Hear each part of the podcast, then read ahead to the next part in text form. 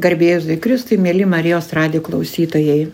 Su jumis laida Dievas gydo, skirta onkologiniams ligonėms ir jų artimiesiems. Ir taip pat su manimi Aldona Kirpytė, laidos vedančiaja.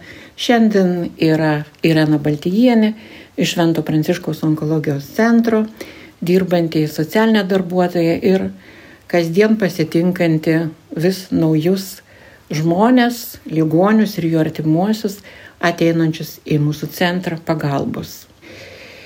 Naujose moksliniuose straipsniuose, spaudoje, gydytojų konferencijose vis labiau akcentuojama onkologinių ligonių emocinė sveikata, streso įveika ir dvasinė ligonio būsena.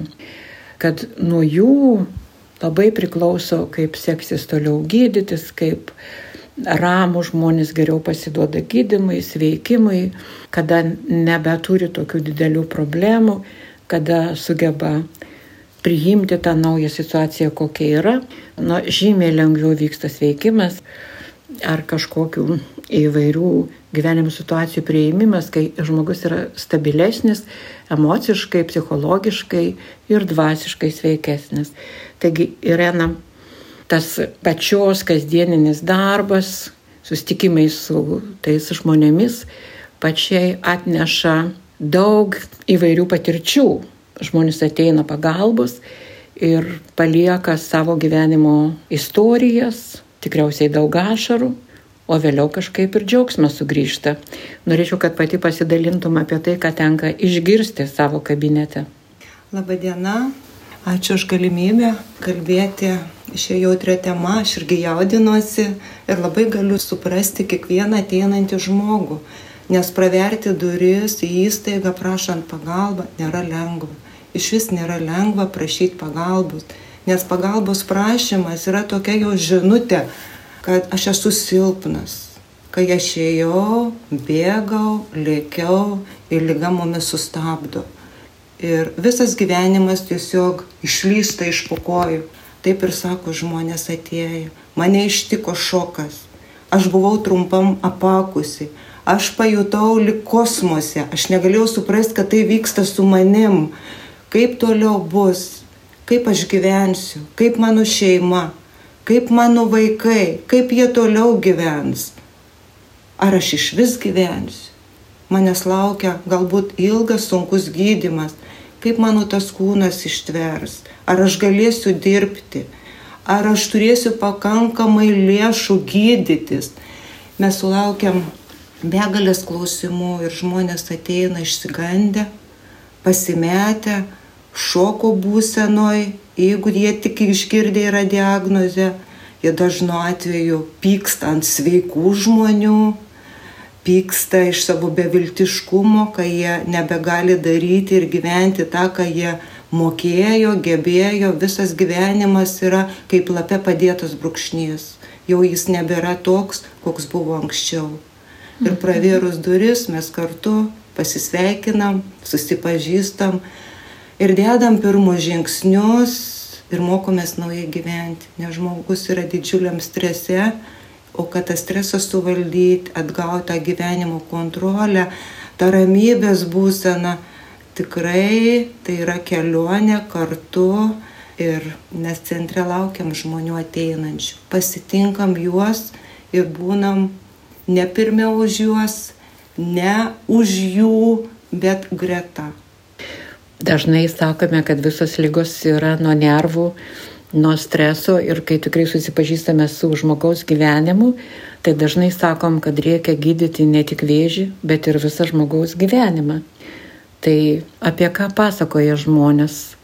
Vis tiek jie atveria tą savo gyvenimo žaizdas ir ko ten būna. Tai ateina žmonės su visų savo gyvenimu, aš kartais net stebiuosi, kaip tas žmogus gebėjo ant savo pečių viską tą panešti dažnai būna ir santykiai pažeisti vaikystėje, būna skirybos, būna nenusisekę gyvenimai dėl įvairių priežasčių. Tai tas žmogus kaip koks svaugunėlis, kai pradėti kalboti, kiek ten visko daug. Ir man dažnai kyla klausimas, kad jinai kaip anksčiau to žmogaus nepagavo, kad tik dabar, bet sako, mes kaip kareiviai einam, einam, einam, einam ir kai ateina tos ramybės minutė, žmogus tada atsipalaiduoja, viskas, nu taip kabutėse sakau, išlenda tiesiog į paviršių. Ir vieni žmonės atėję, jie labai gerai žino, ko jom reikia šitoj mhm. situacijoje, o su kitais žmonėmis kalbamės, kalbamės, ką mes kartu galim nuveikti.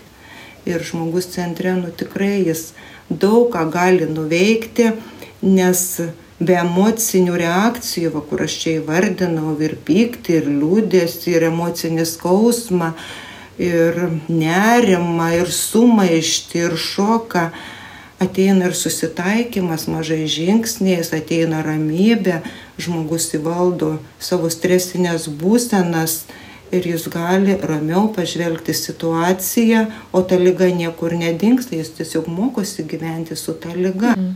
Ir supranta, kad ne tik tą vėžio lygą reikia gydyti, bet dar ir tas kitas savo gyvenimo žaizdas, kurių yra apstu.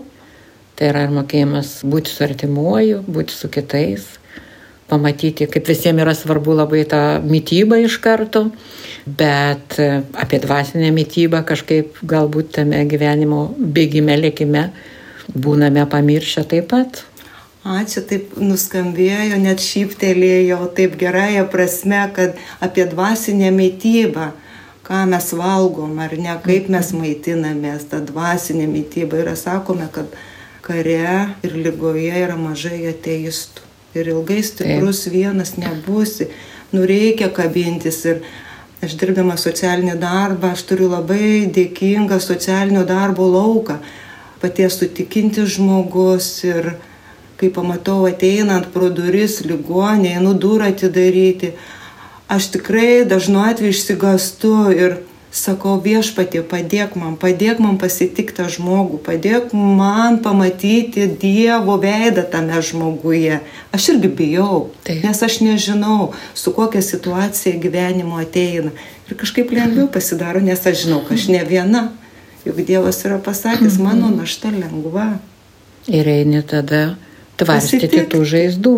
Taip, einu tvarstyti tų žaizdų su Dievo pagalba nes aš viena nepajėgčiau to daryti. Bet tikriausiai tų žaizdų būna tiek, kad žmogus net nežino jų turintis, kol paskui kažkaip pažindamas save atranda tas giluminės tokias žaizdas, dėl ko, sakykime, ir tas stresas tęsiasi visą gyvenimą ir tiesiog išprovokuoja ir vėžio ligas.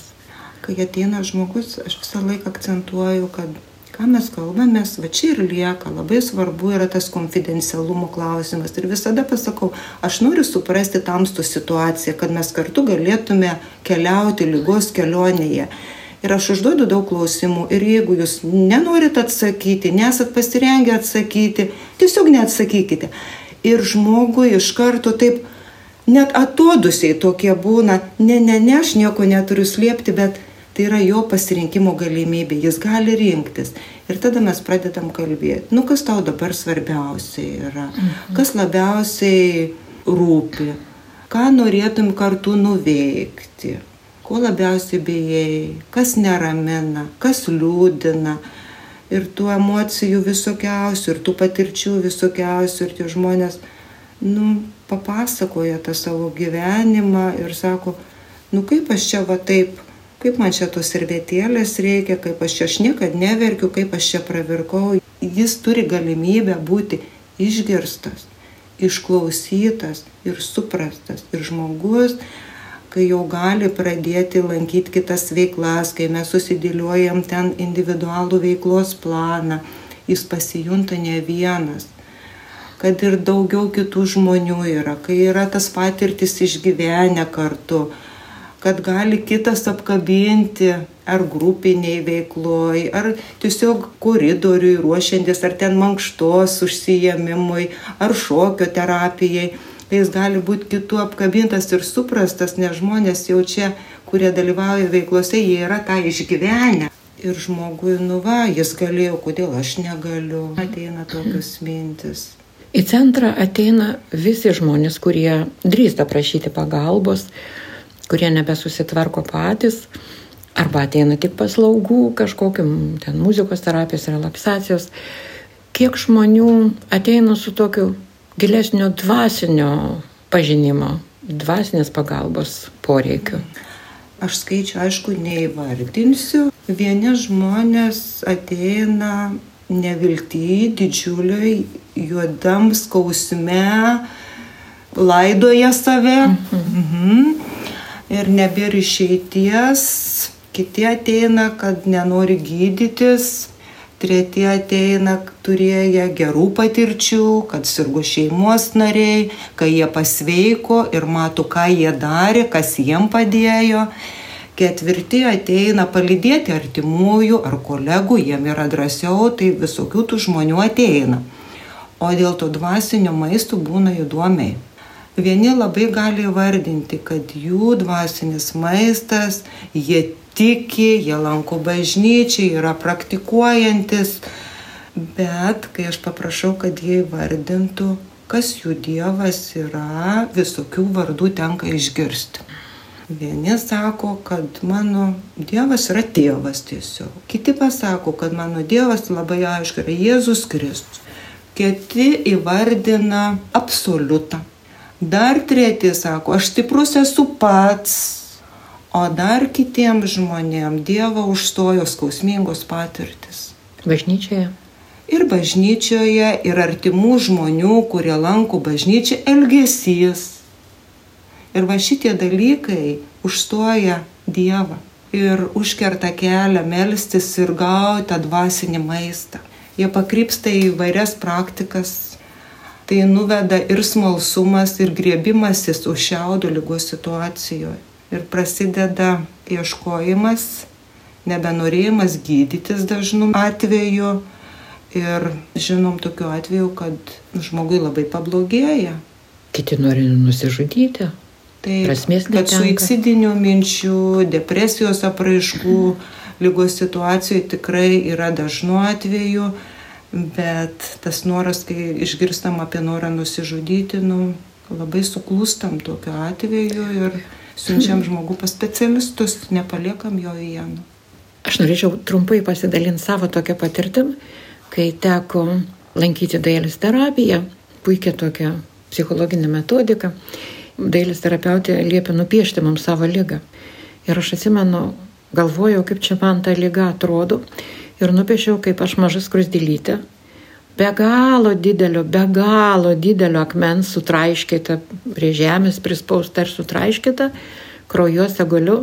Ir ta mano lyga atrodė, kad jinai mane visiškai nužudė ir kad šito akmens man niekada nepakelti. Ir netgi tie mano artimieji skrusdėliukai nepakeltų jo. Tai vienintelis tas troškimas buvo toks, kad Dieve, tik tu gali nukelti akmenį. Ir Dievas nukėlė tą akmenį. Ir aš džiaugiuosi, kadangi jau skaičiuoju 23 savo gyvenimo metus. Tai ta dvasinė pagalba, kas supranta, tikrai nukelia tą sunkų lygos akmenį. Turim tokių pavyzdžių. Manau, kad turim ir ne vieną. Ir lygos situacijų, bet centras kitais metais jau minės veiklos dešimties metų sukakti ir per tą laiką prisimenu, kad buvo ir santokos sakramentų, krikštų ir atsivertimų. Ir kai kalbamės, nu, aš kai kalbuosi su žmogum, nu tikrai, kai žmogus išsako egzistencinius tokius klausimus, tokio nevilti didžiuliai yra, visada pasiūlau susitikti su kunigu pasikalbėti. Nu, žmonės klausia, kažkaip nedrasu žmonėm būna, kaip aš čia su kunigu kalbėsiu, nu, sakau, mes tai kalbamės, ar ne, va, kaip žmogus su žmogum susitikę, nu, taip pat ir su kunigu kalbėsi. Nu, ar taip gali būti? Nu, gali. Manęs turi šiek tiek baimės. Turiu baimių, mm -hmm. nu, kaip čia su kunigu, kaip čia ypatingai, nu, sakau, irgi visi esam žmonės. Žmonės turi galimybę ateiti į grupinę terapiją, į šventų rašto meditaciją. Ruošiame sekmadienio mišių šventimui, gauna žmonės ir informacijos, ką tai reiškia vienas ar kitas dalykas, gauna žinių apie dvasinę sveikatą, kad kūnas nėra tik fizinė plotmė, kad tai yra ir psichologinė, ir dvasinė, ir socialinė būtybė. Tai plačiau pažvelgiam į žmogų. Taip ir paslaugas susidėliojam ir va toj kelioniai savo žingsniais, juk tas tikėjimas ir yra tik ėjimas ir kiekvienu savo tempu. Ir nuostabiausia žinia būna, kai žmogus sužino, kad Dievas jį myli, nes jis savo šitoje gyvenimo kelionėje pamiršta save mylėti labai dažnai. Kai nebemyli savęs, atrodo, kad niekas tavęs nebemyli. O čia tave Dievas myli tokį, koks tu esi ir padeda, na tikrai atrasti tą vilties kelią. O viltis yra va, tas svertas ar ne nes onkologiniai ligoniai turi, kaip galiu necituoti vienos mūsų klientės, žodžiu, žiaurų norą gyventi.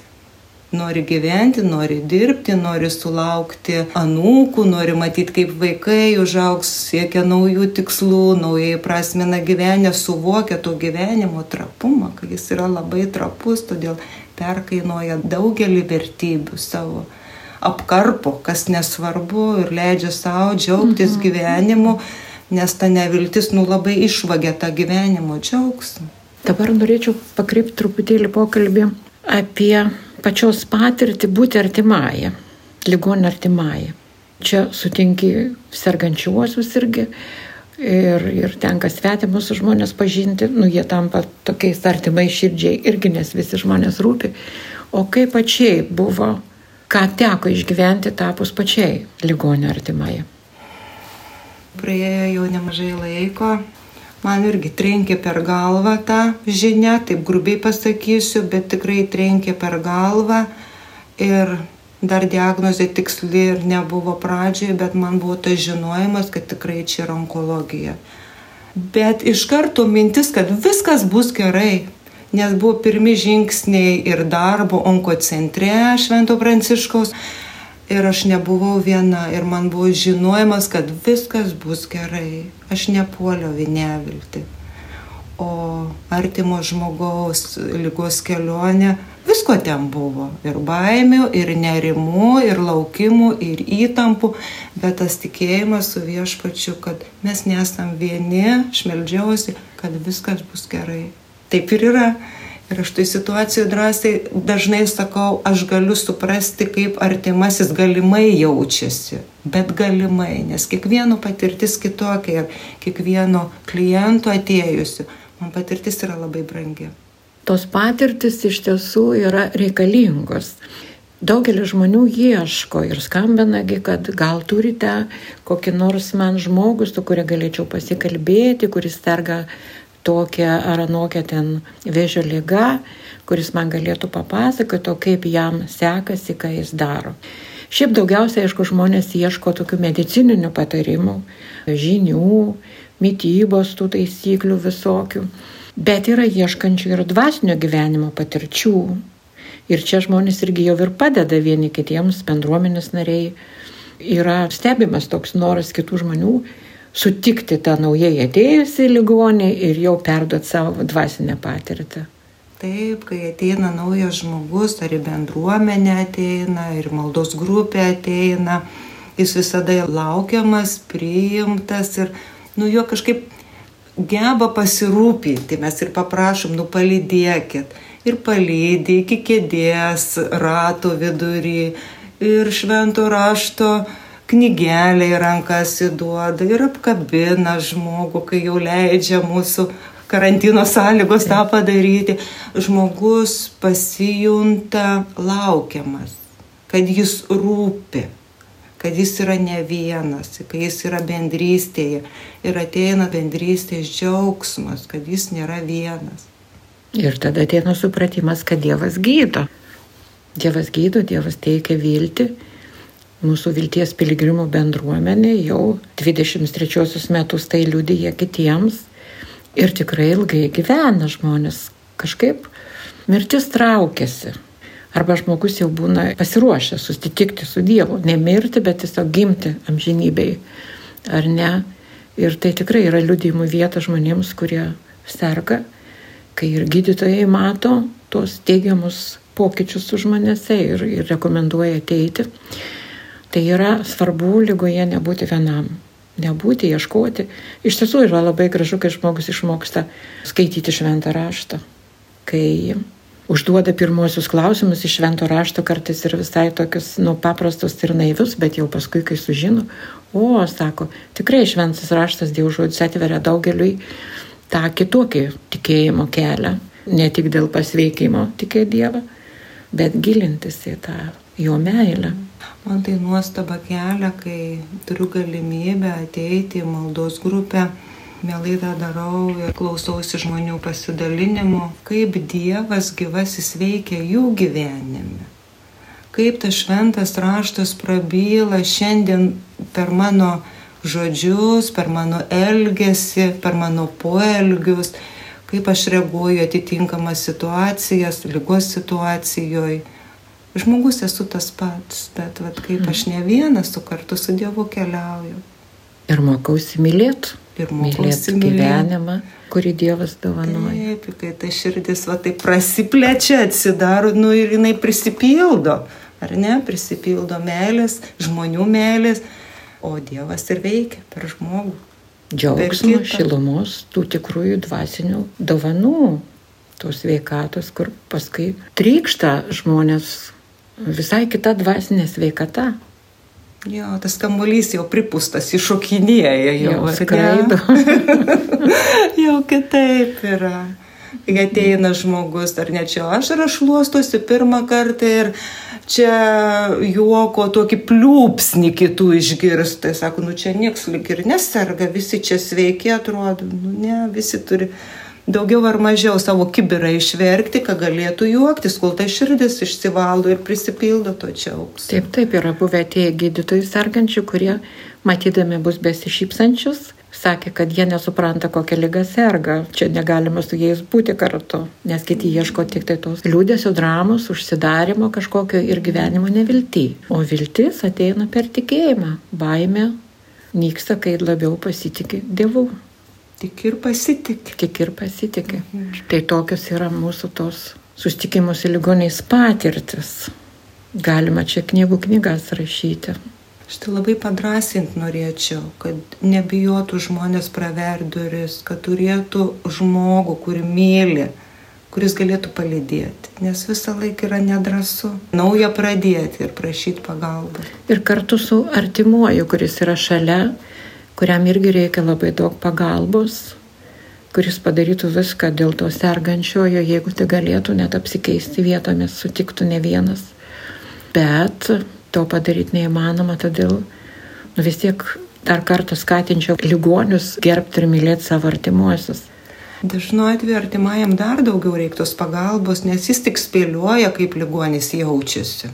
O ligonis bent žino, kas, bent žino, kas yra. Ir aišku, ir artimuosiams dar norėčiau pasakyti, kad kai artimieji sako, nebepažįstu savo ligonio, sergančiai buvo toks ramus, geras žmogus.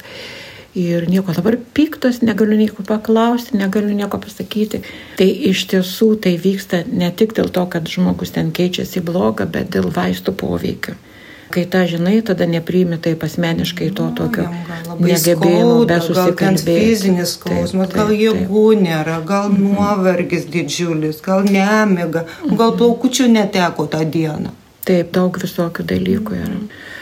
Tai baigdami laidą, dar palinkėkim visiems pasitikėti Dievu. Dievas gydo. Tai liudija daugybė amžių, daugybė žmonių, kurie sirgo ne tik onkologinėmis lygomis, tų lygų yra daugybė. Pasitikėti ir pavesti save Dievo gydimai, gyventi tą viltimį, kuri ateina iš Dievo, iš Dievo ir yra netrumpalaikė, bet amžina. Dėkoju Irena už pokalbį, dėkoju visiems klausytojams, atsisveikinu, sakau su Dievu, iki kito karto.